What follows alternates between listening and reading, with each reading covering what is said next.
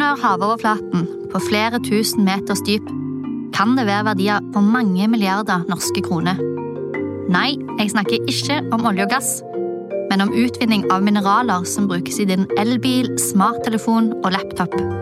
Mineraler som er avgjørende både for den digitale revolusjonen og den grønne revolusjonen, som kan skape mange nye arbeidsplasser i framtida og betale pensjonen din. Nå har Norge starta jakten på en ny næring. Men vet vi egentlig hva vi begir oss ut på? Hva er de miljømessige konsekvensene? Og i beste fall kan havbunnsmineraler gjøre at Norge blir en rik og respektert klimastormakt. Jeg heter Ida Folkestad Soltvedt, og du lytter til Kystpuls, en podkast fra Senter for hav og Arktis.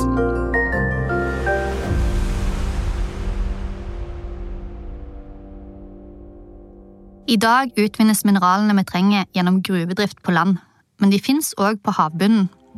Som et mulig industrieventyr er havbunnsmineraler likevel helt i startgropa. Her til lands har Oljedirektoratet og diverse forskningsmiljøer begynt å kartlegge de norske ressursene. Og i 2019 vedtok Stortinget havbunnsmineralloven.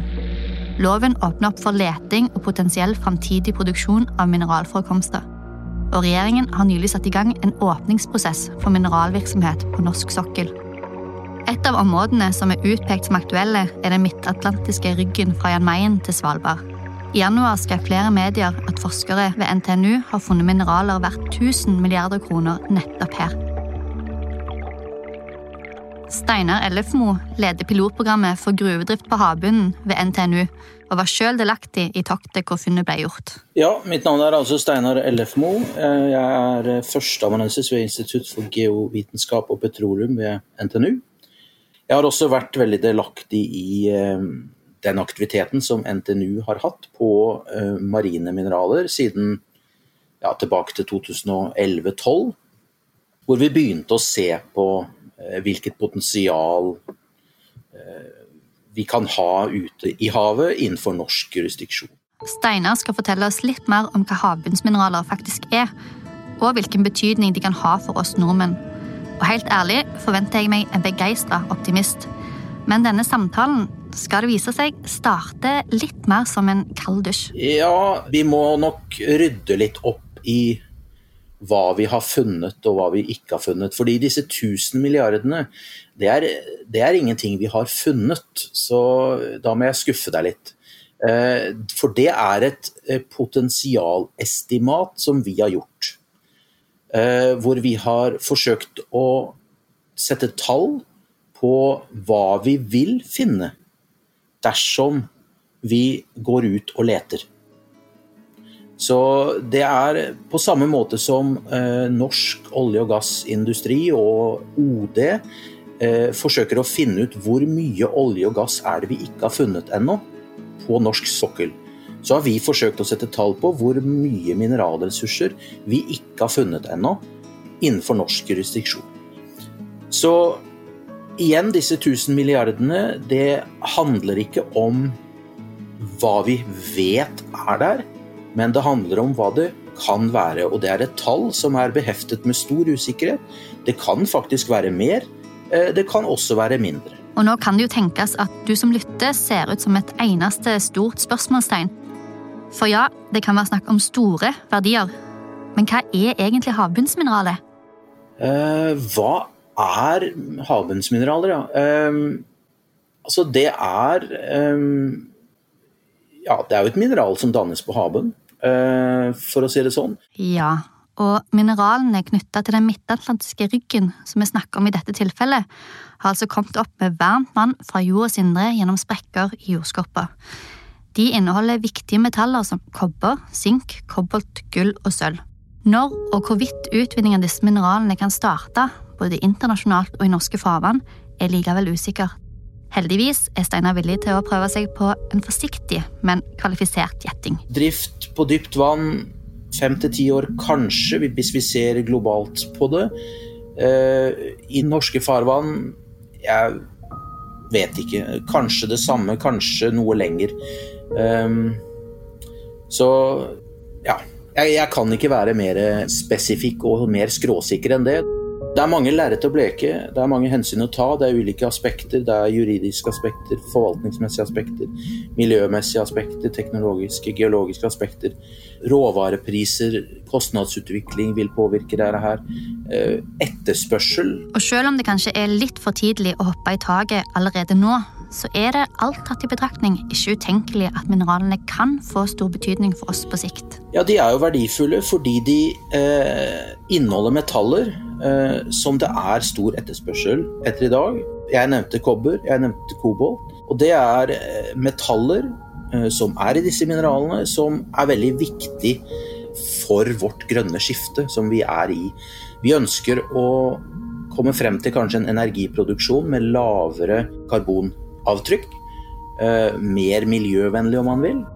Med vindmøller, eh, med, med mer vannkraft, solceller osv. Og, så og da trenger vi mineraler. Så Derfor så er disse også da verdifulle for oss, for å makte den overgangen, eller makte det grønne skiftet. Og hvis vi skal tillate oss å være i overkant optimistiske, så kan kanskje det bety et stort nytt industrieventyr her i Norge. Svaret er vel i hvert fall todelt. Eh, jeg tror at marin mineralutvinning kommer. Som du vet, alt som ikke gror, er mineraler. Og alt som gror, det trenger mineraler. Sånn at vi har et behov, også et fremtidig behov, for mineraler. Hvorvidt det kommer til å bli mineralutvinning innenfor norsk jurisdiksjon, det er avhengig av veldig, veldig mange faktorer. Som sagt, vi vet ikke hvor store forekomstene er, og størrelsen på de, eh, hvor mye metaller som er i de, vil, vil bestemme om dette kan bli et industrieventyr. Det andre sida av, av, det er jo norsk utstyrs- og tjenesteleverandører. Eh, for som sagt, jeg tror mineralutvinning fra havbunnen, det kommer. Eh, og der vil norsk utstyrs- og tjenesteleverandør kunne bli viktige leverandører til internasjonal mineralutvinning. Det er stor aktivitet worldwide, eh, og der vil norsk utstyrs- og tjenesteleverandører som sagt kunne, kunne levere sine tjenester og utstyr. Så det er dels dette med hvorvidt det blir utvinning innenfor norsk jurisdiksjon, det er et spørsmålstegn ved. Jeg er ganske sikker på at det blir utvinning internasjonalt, og da vil norske leverandører kunne bidra. Så eh, har vi et nytt industrieventyr på trappene? Ja, kanskje. For å si det sånn. Skal vi fortsette i dette litt hypotetiske og optimistiske sporet, så kan et sånt industrieventyr bety både nye arbeidsplasser og eksportinntekter. Det vil jo bety arbeidsplasser da, for leverandørindustrien, bl.a. Med da leveranser internasjonalt. Det vil jo kunne bety, hvis det blir eh, industri, altså eh, produksjon innenfor norsk jurisdiksjon, så vil det jo kunne medføre økt aktivitet på land. Denne malmen må jo videre bearbeides. Det kan jo bli eh, ytterligere arbeidsplasser. Eh, på land. Eh, det vil bety, som, jeg, som vi snakka om, dette må forvaltes, disse ressursene må forvaltes. Det vil bety arbeidsplasser både i den offentlige og, og i det private. Eh, miljøovervåkning, det vil være viktig. Så, så arbeidsplasser knytta til det vil også være viktig. Eksportinntekter, vi vil jo kunne, hvis igjen vi starter utvinning, eh, så vil det bety eksportinntekter til Norge. Hvor mye? Det vet vi ikke ennå. Eh, verden produserer mye kobber. Eh, og potensialet innenfor norsk sone eh, er ikke slik at Norge skal erstatte verdens kobberproduksjon. Men vi vil kunne bli en bidragsyter i leveransen av kobber til det internasjonale markedet. Men det er altså stor usikkerhet knytta til fremtidig mineralutvinning spesielt i norske havområder. Og selv om du kanskje ikke hører Steinar si det så mange ganger her, så har han forsikret meg om at det fortsatt er veldig mye vi ikke vet. Og jeg tenker at vi må skynde oss litt langsomt for å se på da uh, ulike problemstillinger i parallell. Likevel, alt i alt, når det gjelder havbunnsmineraler og framtida, høres det for meg ut som at vi kan tillate oss å være forsiktige optimister. Samtidig er det flere som ønsker et midlertidig forbud mot utvinning. Blant hovedargumentene er at vi vet altfor lite om de miljømessige konsekvensene. Derfor skal vi snakke med en havekspert som forhåpentligvis kan fortelle oss litt mer om nettopp det. Jeg heter Nina Jensen. Jeg er marinbiolog, haventusiast og leder av RevOcean, Revotion, som er et initiativ som er startet opp av eh, Kjell Inge Røkke og meg selv. Kort og godt for å redde livet i havet. Nina jobber altså med å redde livet i havet. Og da lurer jeg jo på hvor mye liv finnes det egentlig på havbunnen når vi tross alt snakker om flere tusen meters dyp? Det er jo dette som er så fascinerende, for mange vil jo tenke at det er en ødemark, eh, men det er det jo overhodet ikke. Eh, her finner vi altså unike dyphavsøkosystemer og et enormt eh, rikt liv og naturmangfold på linje med regnskogen. Og vi snakker jo da primært om dyp under 3000 meter. Men det er jo ikke de vanlige liksom, karismatiske pelskledde dyrene man finner her. Her finner man i hovedsak eh, mikroskopiske organismer under 1 cm og mikrober. Eh, men alle ekstremt viktige arter i eh, havet generelt, og i disse økosystemene spesielt.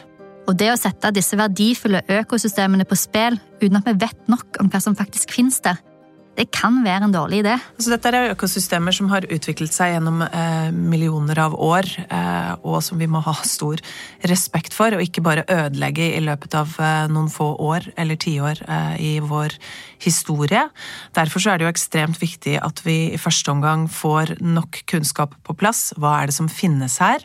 Hvordan skal vi forvalte det på en, en god måte?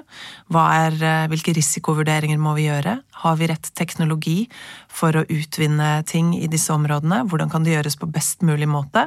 Og hvordan innvirker det på annen aktivitet som også pågår i eh, de samme områdene? Jeg syns jo det er ganske skremmende at det nå deles ut lisenser før man har denne kunnskapen på plass. Det viser litt en, eh, type gullgraverbonanza som ikke hører hjemme i moderne tid. Så vi risikerer jo å miste verdifulle arter, økosystemfunksjoner, Eh, verdifulle dyphavsøkosystemer som vi ikke kjenner godt nok til, og som sannsynligvis kan ha en veldig stor verdi for havet generelt, men også for menneskers helse eh, framtidig perspektiv. Så vi må få på plass, mener jeg, langt bedre gjenvinningssystemer og håndtere de ressursene som vi allerede har utvinnet først, før man går på jakt etter nye. Når vi da skal jakte etter nye, så må vi først vite hva som finnes der, og hvordan kan det gjøres på en forsvarlig måte. Men er det i det hele tatt mulig å drive med utvinning av havbunnsmineraler på en miljøvennlig måte? Ja, det tror jeg absolutt. Eh, men som med alt annet så må vi vite eh, hva som er der for å kunne forvalte det på en god måte. Vi må starte med kunnskapen og kartleggingen først. Og så kan man gå i gang med en eventuelt utvinning dersom man finner at det er forsvarlig.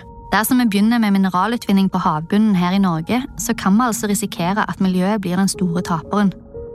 Samtidig er det jo sånn at klimaet vårt faktisk kan bli vinneren hvis havbunnsmineraler bidrar til omstilling og et grønnere samfunn.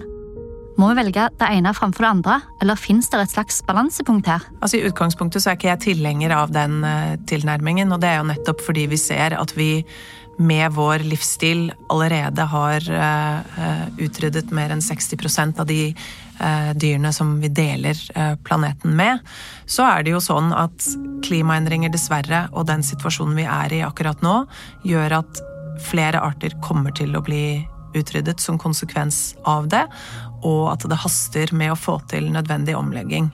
Det betyr jo at man må ta noen vanskelige veivalg i noen tilfeller. Noen områder Eh, må vi f.eks. åpne opp for utvikling av eh, fornybar energi, som kan eh, ha store innvirkninger på biologisk mangfold. Og så er det jo annen aktivitet som vi garantert må stoppe med, f.eks. olje- og, og gassutvinning. Men det forsvarer ikke å gjøre dumme ting på veien. Det går an å eh, gjøre ting på en miljømessig forsvarlig måte og ha nok kunnskap i bånd til at man gjør det så skånsomt som mulig, og at fotavtrykket etter de ulike aktivitetene blir minst mulig. Det er ingen tvil om at havbunnsmineraler byr på noen vanskelige dilemmaer. Det som Nina snakker om her, er bare ett av de. Likevel er det egentlig sjeldent at vi leser om de avisene eller hører om havbunnsmineraler i det offentlige ordskiftet. Er det så enkelt som at det vi ikke ser, har vi òg vanskelig for å engasjere oss i? Mye av det skyldes nok det. Ut av syne, ut av sinn. Eh, samtidig så er det jo eh, i en del av havet som er veldig lite kjent, eh, som vi ikke forstår eh, så godt. Eh, og som dermed er vanskeligere for, for, folk flest å engasjere seg i. For meg så er det viktigste at eh, vi skal ikke stenge døren for dette som en spennende mulighet, men vi må ha kunnskapen på plass først. Og vi må ikke begå de samme feilene som vi har gjort før, ved å liksom rushe inn i noe, og så ender vi opp med en ny klimakrise. Bare at det er noe annet eh, som vi ikke vet nå. Og eh, at det er eh, skummelt å gjøre det under dekke av at eh, det er eh, nødvendig for å få til det grønne skiftet. Og da må man virkelig tenke seg om eh, et par ganger til, fordi veldig mye av det man skal utvinne, brukes i veldig mange andre ting som vi ikke trenger for det grønne skiftet, men som vi trenger for å opprettholde en livsstil som er langt ifra bærekraftig. Og det har jo Nina helt rett i. Mobiltelefoner, PC-er og en haug med andre høyteknologiske duppeditter brukes og kastes over en lav sko i dag. Samtidig er tilgang til mineraler avgjørende for å nå målene i Parisavtalen. Vi må erstatte fossil energi i transport, kraftproduksjon og industri med fornybar energi fra vann, vind, sol og andre utslippsfrie løsninger. Det øker behovet for metaller som bl.a. kobber og kobolt. Og sjøl står jo Norge i en slags spagat mellom fossil energiproduksjon på den ene sida og ønsket om å bekjempe klimaendringer på den andre. Derfor lurer jeg på kan utvinning og eksport av norske mineraler gjøre oss til en mer troverdig klimastormakt internasjonalt? For å få vite mer om det, har jeg rett og slett invitert inn min egen sjef. Mitt navn er Jan Gunnar Winther. Jeg er leder for Senter for hav og Arktis, som er lokalisert i Tromsø. Jeg har en bakgrunn som polarforsker og har også vært leder av Norsk Polarinstitutt eh, gjennom tolv år. Eh, og har jobba med klima og hav i, i det mesteparten av min yrkeskarriere. Jeg tror eh, at Norge har en høy standing internasjonalt. Eh, og, og, selv om det er økende oppmerksomhet og økende press på denne vanskelige spagaten mellom å være oljeprodusent og så, sånn sett bidra til klimaproblemet, og det å gjøre nokså mye nasjonalt og internasjonalt for å begrense oppvarmingen, det er en situasjon som i større og større grad vil påvirke omdømmet til Norge, eh, og hvordan eh, også eh, det internasjonale samfunnet forholder seg til Norge. Samtidig kan gjerne mineralutvinning på havbunnen åpne noen nye dører for Norge her. Jeg tror nok at mineralutvinning, fordi det er så nært kobla til klima, vi når jo ikke målene i Parisavtalen uten å utvikle fornybar energi som sol og vind, kan spille en viktig rolle for å også gå mot en utvikling hvor land sånn som Norge eh, blir ansett å være en veldig viktig bidragsyter. Det er jo ikke noe quick fix her. Eh, det er ikke bare ett tiltak som må iverksettes. Mineraler kan være ett av dem, men vi trenger jo også mange flere. Og så tror jeg det helt avgjørende punktet til slutt er at mineralutvikling må foregå bærekraftig, slik at det, det må Norge vise stor grad av ansvarlighet knytta til at man får til å utnytte en slik ressurs på en måte som faktisk da ikke påfører miljø og samfunn en større negativ enn positiv effekt. Så kanskje kan havbunnsmineraler hjelpe omdømmet vårt og gjøre at verden i større grad ser oss som en viktig bidragsyter i den internasjonale klimapolitikken. I et globalt storpolitisk perspektiv kan det dessuten hende at Norge har noen fortrinn framfor andre mulige eksportører. Mineralet er nemlig en knapphetsressurs hvor mindre forutsigbar land som Kina og Kongo i dag sitter på noen av de største forekomstene.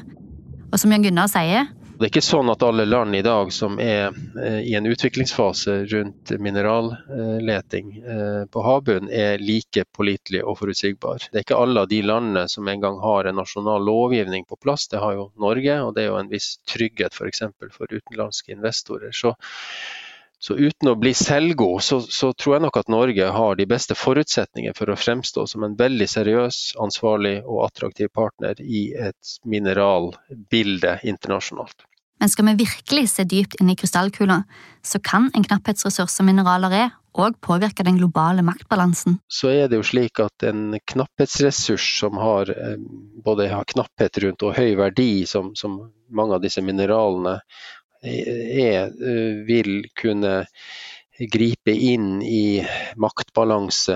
Eh, vi, vi, kan ta eksempler fra olje, hvor vi ser at Midtøsten har vokst frem som en veldig sterk region. Vi kjenner jo Norges velferd som er basert på petroleum. Eh, vi ser jo også at eh, konstellasjoner av aktører, sånn som OPEC, eh, utgjør en, en maktfaktor i verden. Og, og, Sånn tror jeg man kan tenke også på mineralsiden, at det vil være noen land som har spesielt rike forekomster. Uh, og så er det andre land som, som, er helt avhengig av import. Og så oppstår det et nytt bilde, et nytt lag i den internasjonale maktbalansen. Uh, og det er ikke bare økonomi, det er jo også andre ting som, uh, som er mer av en utenriks- og sikkerhetspolitisk karakter som, som kan bli viktig et stykke frem i tid, hvis, hvis mineralvirksomheten blir i storskala.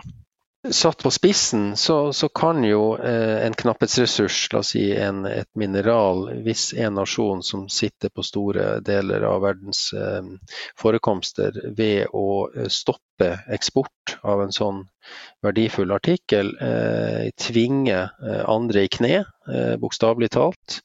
Eh, ved at man ikke får tilgang til, eh, til de metallene. Nå snakker vi om, om, eh, metaller og mineraler som går inn i, i all, dagliglivet vårt, ikke minst innenfor elektronikk, og, men også i, i, det grønne skiftet vil jo dette være en helt avgjørende faktor for batteriteknologi, fornybar energi som sol og vind. Eh, og det å sitte da på den makta som, som, det å, å, ha kontroll på en knapphetsressurs eh, kan, hvis det brukes galt, være dessverre et veldig effektivt våpen. Så hvis jeg skal oppsummere denne episoden, må nesten hovedkonklusjonen være at vi har flere spørsmål enn svar. Fortsatt er det veldig mye vi ikke vet om utvinning av havbunnsmineraler. Det vi vet, er at det er forekomster i norske havområder. Vi vet ikke med sikkerhet hvor store de er, hvor mange de er, eller hvor mye metaller de inneholder. Vi vet at dersom vi starter utvinning i norske havområder, så kan det være positivt for norske eksportinntekter og arbeidsplasser. Spesielt i et bilde hvor vi trenger flere nye næringer og bein å stå på. Samtidig kan miljøet og økosystemene på dyphavet bli skadelidende om vi går for fort fram. Dessuten er det ikke bare her hjemme konsekvensene kan bli store. For utvinning av havbunnsmineraler i verden kan rokke ved den globale maktbalansen, og kanskje til og med vår rolle igjen. Så her er det mange tankekors og avveininger som må gjøres, og heldigvis er det ikke opp til meg. Likevel er jeg ganske sikker på at dersom vi skal ta de gode valgene, så må vi ha tilstrekkelig kunnskap til å gjøre nettopp det. Og kanskje har vi fortsatt tid til å vente, eller i det minste skynde oss langsomt, som Steinar sier.